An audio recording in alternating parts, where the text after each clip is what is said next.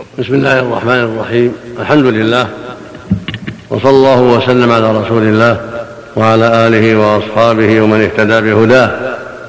أما بعد فقد سمعنا جميعا هذه المحاضرة القيمة المفيدة التي تفضل بها صاحب الفضيلة شيخ إبراهيم بن صالح الخضيري فيما يتعلق بخصائص المسجد النبوي.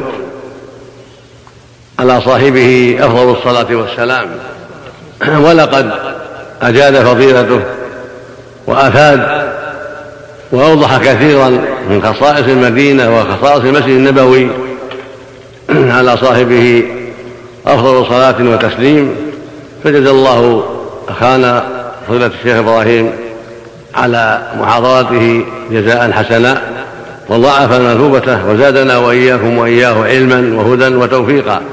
ونفعنا جميعا بما سمعنا وعلمنا. لا ريب أن المسجد النبوي هو خير المساجد وأفضلها بعد المسجد الحرام. فإن مساجد الدنيا ثلاثة هي أفضل المساجد. المسجد الحرام الذي بناه خليل الله إبراهيم عليه الصلاة والسلام وابنه إسماعيل. ثم هذا المسجد النبوي الذي هو مسجد نبينا أفضل الأنبياء وخير الأنبياء عليه الصلاة والسلام ثم المسجد الأقصى مسجد إيليا القدس. هذه الثلاثة هي أفضل المساجد. وقد بينها الرسول صلى الله عليه وسلم وأوضح فضلها. وقال عليه الصلاة والسلام لا تشد الرحال إلا إلى ثلاث مساجد المسجد الحرام ومسجدي هذا ومسجد الأقصى. هكذا أخبر عليه الصلاة والسلام خبرا معناه النهي. وفي اللفظ الآخر لا تشدوا بلفظ النهي. فهذا يدل على أن هذه المساجد هي خير المساجد وأفضلها وهي مساجد الأنبياء عليهم الصلاة والسلام. المسجد الحرام هو مسجد إبراهيم عليه الصلاة والسلام أبينا إبراهيم. وهو أفضل الأنبياء وخيرهم بعد بعد نبينا محمد عليه الصلاة والسلام. وهو الذي جعل الله الحج إليه أمرا مفترضا وجعله أحد أركان الإسلام على كل مسلم يستطيع في أرض الدنيا أن يرتحل إليه مرة في العمر وأن يحج فيطوف بالكعبة المشرفة ويصلي في هذا المسجد العظيم ويسعى بين الصفا والمروة ويكمل مناسك الحج وهكذا العمرة. هذا من خصائص هذا المسجد العظيم. من خصائصه أن الحج والعمرة يختصان به دون بقية المساجد وانه فرض على كل من استطاع السبيل إليه من رجال أو نساء من المكلفين من المسلمين أن يحج ويعتمر مرة في العمر. ثم يستحب له بعد ذلك الحج متى تيسر له ذلك وهكذا عمره. ولهذا قال الله جل وعلا ولله على الناس حج البيت. من استطاع إليه سبيلا؟ حج البيت يعني المكان الكعبة. والحج إليه ليس لقصد حجره ولبنه لا. حج إلى الله عز وجل مقصود تعظيمه سبحانه والتقرب إليه وجعل حجه والحج إليه حجا إلى هذا البيت العتيق. الكعبة المشرفة للطواف بها والسعي بين الصفا والمروة ثم أداء بقية المناسك في محلها في عرفة وفي منى ومختلفه المقصود أن الله جل وعلا شرع لنا عبادات تفعل في المسجد الحرام وسماها حجا وسماها عمرة وجعلها فريضة على جميع المكلفين من المسلمين مرة في العمر. كما قال عليه الصلاة والسلام الحج مرة فمن زاد فهو تطوع وهكذا العمرة. كما جاء في حديث عمر في سؤال جبرائيل لما ذكر الإسلام قال فيه وان تحج وتعتمر فالعمره لا بد منها في أصح قولي العلماء. مرة في العمر. ويستحب تكرارها كما يستحب تكرار الحج لمن تيسر له ذلك. يقول عليه الصلاة والسلام العمرة إلى العمرة كفارة لما بينهما. والحج المبرور ليس له جزاء إلا الجنة. متفق على صحته. ثم بعد هذا المسجد العظيم المسجد النبوي الذي بناه رسول الله عليه الصلاة والسلام. وبناه اصحابه الكرام معه. أول ما قدم المدينة كما سمعتم في المحاضرة.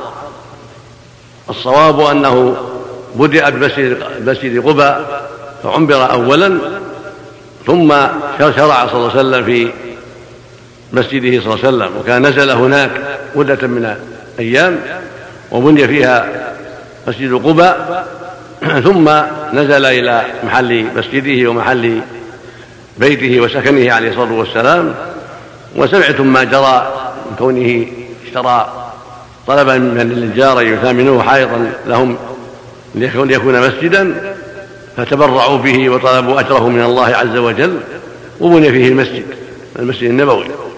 وسمعتم قصة المسجد وبناء المسجد وما بني عليه وكان متواضعا وعريشا ثم جدده عثمان رضي الله عنه وأرضاه في خلافته وبناه بالحجر وسفقه وسقفه بالألواح الساج رضي الله عنه وأرضاه.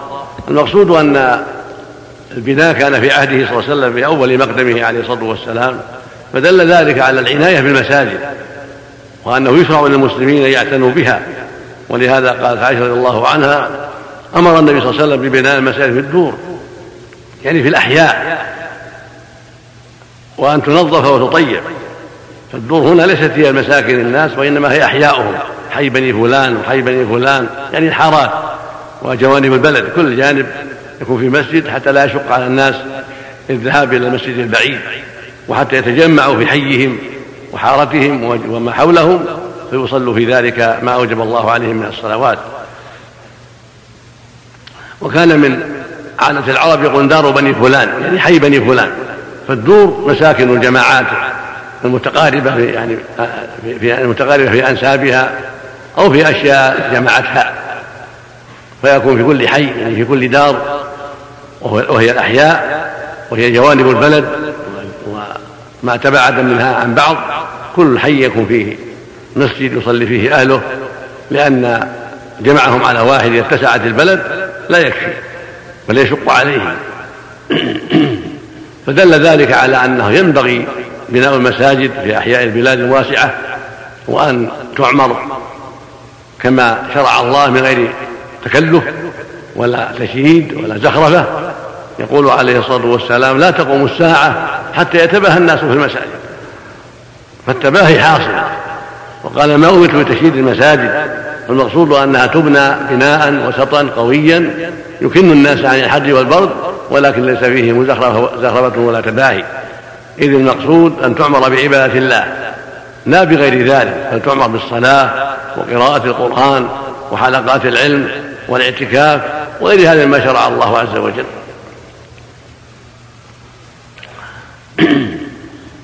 وبين لكم صاحب الفضيلة في محاضرته أشياء كثيرة تتعلق بالمسجد ومن ذلك الروضة التي بينها في محاضرته وهي روضة عظيمة من جهة فضلها يقول فيها النبي صلى الله عليه وسلم ما بين بيتي ومنبري روضة من رياض الجنة.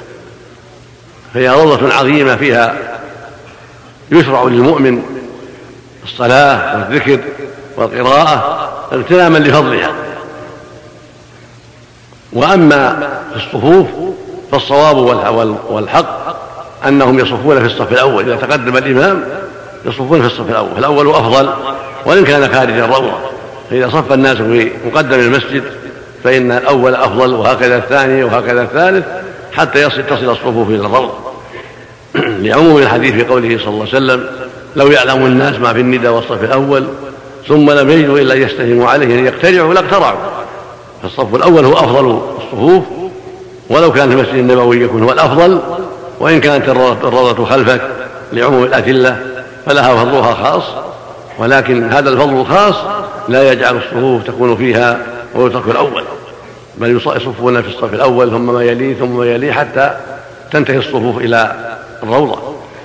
وسمعتم ما قيل في الروضة وفضلها وأن قيل إنها تنقل إلى الجنة وقيل إن المعنى أن العمل فيها والاجتهاد فيها بالصلاة والقراءة والذكر وتعليم العلم ونحو ذلك من أسباب دخول الجنة والنجاة من النار.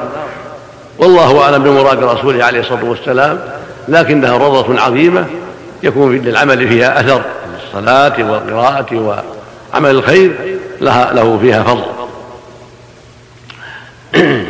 وهي من مكان الحوض فإن الحوض يكون هناك في آخر الزمان عند قيام الساعة للنبي حوض عليه الصلاة والسلام.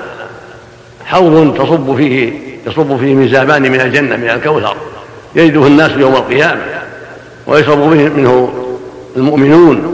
من هذا الحوض العظيم وهو طوله شهر وعرضه شهر. وهذه الروضة منه يوم القيامة مسجد النبي صلى الله عليه وسلم. من ذلك الحوض الطويل العظيم طوله شهر وعرضه شهر. وسمعتم أيضا ما جرى للجذع الذي كان يخطب عليه النبي صلى الله عليه وسلم ويعتمد عليه في الخطبة. لما صنع له المنبر وصعد عليه عليه الصلاة والسلام حن الجذع حنينا عظيما سمعه الناس.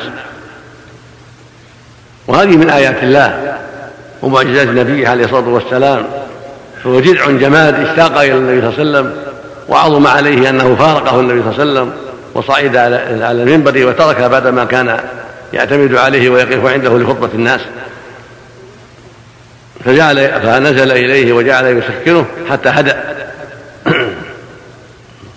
وأما ما يروى أنه ساره وقال له كذا وكذا فليس بمحفوظ عن النبي صلى الله عليه وسلم. وإنما نقل الجدع بعد ذلك قيل إنه دفن وقيل إنه بقي عند أبي حتى تلف والمقصود من هذا كله أنه حن حنينا عظيما سمعه الناس حتى جاء إليه النبي صلى الله عليه وسلم فجعل يهدئه حتى هدى. ولهذا قال بعض السلف نحن أولى بهذا من الجدع نحن أولى بأن نحن إلى إليه صلى الله عليه وسلم وأن نجتهد في اتباع سنته واتباع شريعته وتعظيم أمره ونهيه حتى نكون معه في الجنة إن شاء الله. فإن من تابع سنته واقتفى أثره واستقام على دينه فهو معه في الجنة في الجنة في الرفيق الأعلى. وهذا هو الشرف وهذا هو الفضل أن يتبع العبد سنة رسول الله صلى الله عليه وسلم وينقاد لأمره ويعظم أمره ونهيه حتى يموت على ذلك. فهذا من أسباب دخوله الجنة ونجاته من النار ومرافقته لنبيه عليه الصلاة والسلام في دار الكرامة. وأما ما يتعلق بالقبر فمعلوم أن القبر هو أشرف قبر في الدنيا قبره عليه الصلاة والسلام. وكان في بيت عائشة ليس في المسجد. مدفون في بيت عائشة. فإنهم لما توفي عليه الصلاة والسلام حاروا ماذا يفعلون ثم أخبروا أن كل نبي يدفن حيث يموت. فدفن في بيت عائشة لأنه مات في بيتها رضي الله عنها. وصلى الله وسلم عليه وعلى آله وأصحابه وسائر الأنبياء. فدفنه في بيتها. رضي الله عنها. فلما وسع المسجد في عهد الوليد بن عبد الملك في آخر القرن الأول أدخله في المسجد للتوسعة. وقد أشار عليه بعض الناس أن لا يدخله في المسجد ولكنه اجتهد وأدخله في المسجد وصار هذا الإدخال فتنة للناس. حتى ظن بعض الناس أن وجود القبور في المساجد أمر مطلوب. فقل أن تجد بلد إلا وفيه في مساجدها قبور. بسبب الجهل وقلة البصيرة ثم ما كفى ذلك حتى عبدت هذه القبور من دون الله. ودعاها الناس واستغاثوا بها ونذروا لها وطافوا بها. فوقع الشرك بسبب ذلك ولا حول ولا قوة إلا بالله. فقد أساء في إدخاله المسجد في إدخاله الحجرة في المسجد. وترتب على هذه الإساءة ما ترتب عليها من ظن بعض الناس أن دفن الناس في المساجد أمر مطلوب. كما كان قبر النبي في المسجد فيظنون أنه دفن في المسجد عليه الصلاة والسلام ويريدون أن يتأسوا بالصحابة في دفنه في المسجد وهذا جهل في جهل فهو دفن في بيته عليه الصلاة والسلام ولم يدخل المسجد ولكن أخطأ من أدخله في المسجد ثم طالت المدة على الناس إلى هذا القرن وصعب إخراجه من المسجد خشية الفتن فبقي على حاله في المسجد وبين أهل العلم أسباب ذلك ووضحوا للناس أن السنة السلام عليه من دون أن يطاف بقبره أو يستلم أو يتمسح به بل يصلي. الناس في مسجده صلى الله عليه وسلم ويسلمون عليه من دون أن يتمسحوا بقبره أو يطوفوا به أو يدعوه من دون الله عز وجل. فالعبادة حق الله وحده لا يعبد معه سواه سبحانه وتعالى فهو الذي يدعى ويرجى سبحانه وتعالى. أما الرسول صلى الله عليه وسلم فيتبع ويطاع أمره وينتهى عن نهيه ويوقف عند حدوده وتتبع شريعته عليه الصلاة والسلام. هذا هو الواجب على الناس. من يطع الرسول فقد أطاع الله. وما آتكم الرسول خذوه وما نهاكم عنه فانتهوا. هكذا قال ربنا عز وجل. ولكن يشرع السلام عليه عليه الصلاة والسلام كما يسلم على القبور. زيارة القبور سنة. فيها عظة وذكرى. فالسلام عليه وزيارة قبره عليه الصلاة والسلام. لمن كان في المدينة وهكذا لمن زارها ليصلي في المسجد يسلم عليه عليه الصلاة والسلام ويسلم على صاحبيه. ولكن لا تشد الرحال لأجل القبر. إنما تشد الرحال هي صحيح قولي العلماء من أجل المسجد. ويكون وتكون الزيارة للقبر تابعة لذلك. لا لا بقصد شد الرحل إليها ولكن تابعة للزيارة. فإذا زار المسجد فإذا زار المدينة وصلى في المسجد سلم على النبي صلى الله عليه وسلم وعلى صاحبيه. وشرع له أيضا يزور البقيع والشهداء فيسلم على الموتى هناك وعلى الشهداء في أحد. ويستحب أيضا يزور مسجد قباء فيصلي فيه كما كان النبي يزوره عليه الصلاة والسلام.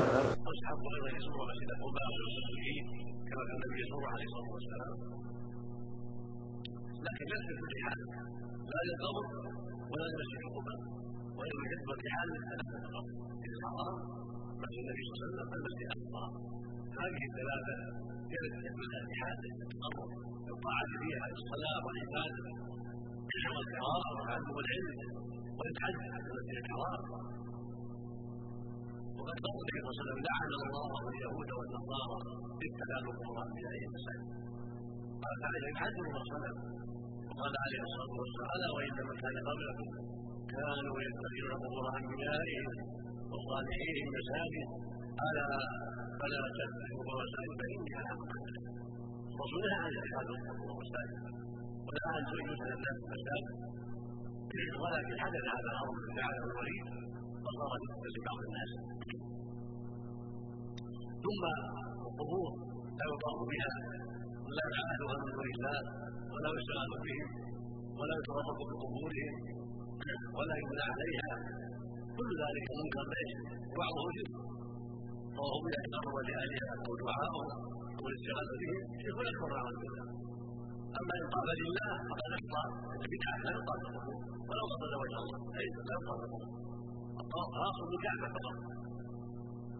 ليس ليس بغيرها ليس في الدنيا شيء يطاف به إلا الكعبه بامر الله عز وجل كما قال ثم يطوف تفكهم ويوفوا نذورهم وليطهروا بالكعبه وليطاف اما اما ما سوى من سنه النبي صلى الله عليه وسلم أو غيرها من قبور الناس أو بيوت الناس كل ذلك لا يطاف الطواف خاص بالتحليل كما تقدم وعند السلام يسلم على النبي صلى الله عليه وسلم وعلى صاحبيه السلام عليك رسول الله ورحمه الله وبركاته السلام عليك يا الصديق ورحمة الله وبركاته. السلام عليك يا عمر الخطاب ورحمة الله وبركاته. وإذا قال زياده على ذلك فلا بأس على الصحيح على العلم.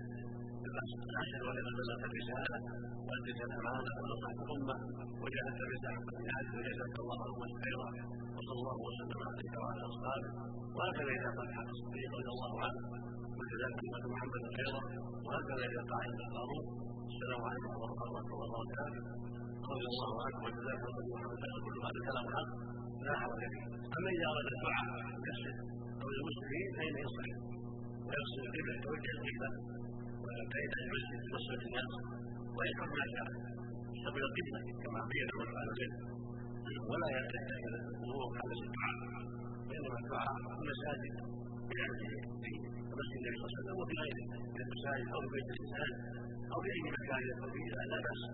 أما يلجا إلى القبور الدعاء عندها أو الصلاة عندها أو الجلوس عندها لقراءه القرآن أو نحو ذلك بدعه لا اصل فلا تتخذ الصلاة عندها ولا الدعاء عندها ولا القراءه عندها وانما يسلم على القبور ويدعى ويصل الناس كما قال زوروا القبور فانها حكم واحد وكان يعلم أصحابه رضي الله عنه عليه الصلاة والسلام إذا زاروا القبور يقول السلام عليكم على الديار من المؤمنين والمسلمين وإنا ان شاء الله بكم لاحقون نسأل الله لنا ولكم حديث عائشه يرحم الله المستقيمين عنده والمستقيمين اللهم اغفر لنا رحمه وغفر كان يقول ذلك إذا زارهم عليه الصلاة والسلام.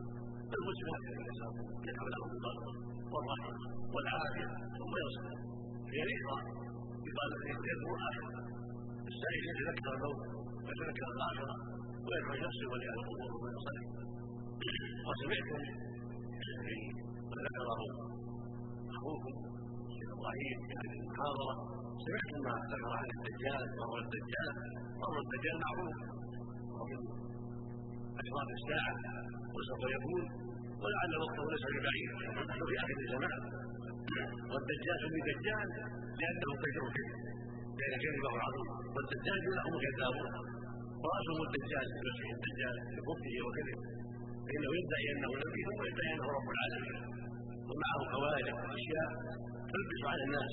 امتحن الله به الناس. امتحن الله به الناس وهو ثبت ما ثبته الله. وقد أمر الله جل وعلا عباده من طريق النبي صلى الله عليه وسلم أن يتعوذوا بالله من فتنه المسيح الدجال في كل صلاة. في اخر كل صلاة. حتى قال صلى الله عليه وسلم ما بين خلق آدم إلى غير الساعة. أمر أعظم. وفتنة عظيمة. ومن فتنه ما سمعتم أنه يقتل الإنسان يشقه قطعتين ثم يقول له فيقوم.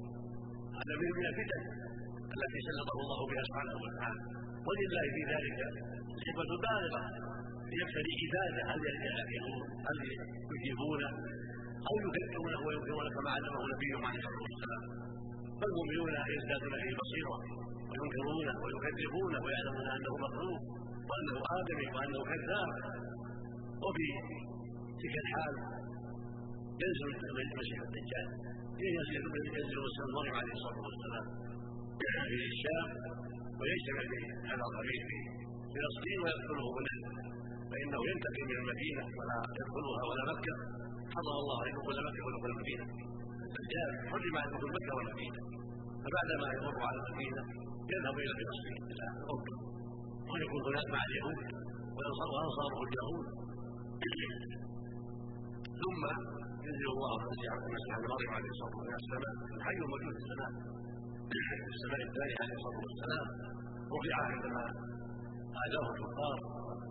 اراد اليهود قتله. رفعه الله من بينهم وكفاه شره. وسوف ينزل في اخر الزمان. ثم يتولى قتل الدجال في فلسطين في بيت المقدس. فيسلطه الله عليه ومعه المسلمون.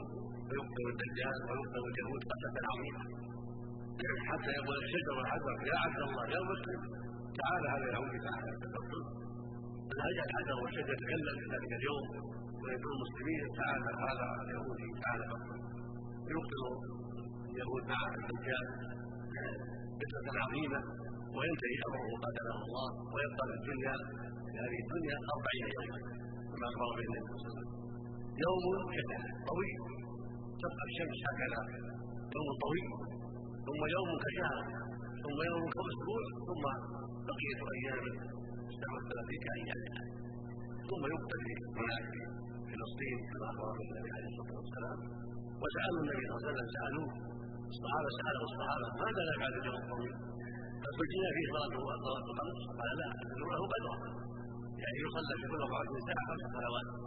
صلى في كل 24 ساعة خمس صلوات بالترتيب في اليوم الطويل سنه شهر واسبوع قد سمعت فوائد في المحاضرة لا الحاجة إلى إعادتها. ونسأل الله أن يوفقنا وإياكم للرضي وأن يثبتنا وإياكم على الهدى وأن ينصر دينه ويعلي كلمته ويصلح أحوال المسلمين جميعا. وأن يجزي أخانا ويجزي إبراهيم. حضرته جزاء حسنا وان يتقبل من الجميع. أما الاشياء فلا تسال إن شاء الله. وصلى الله وسلم وبارك الله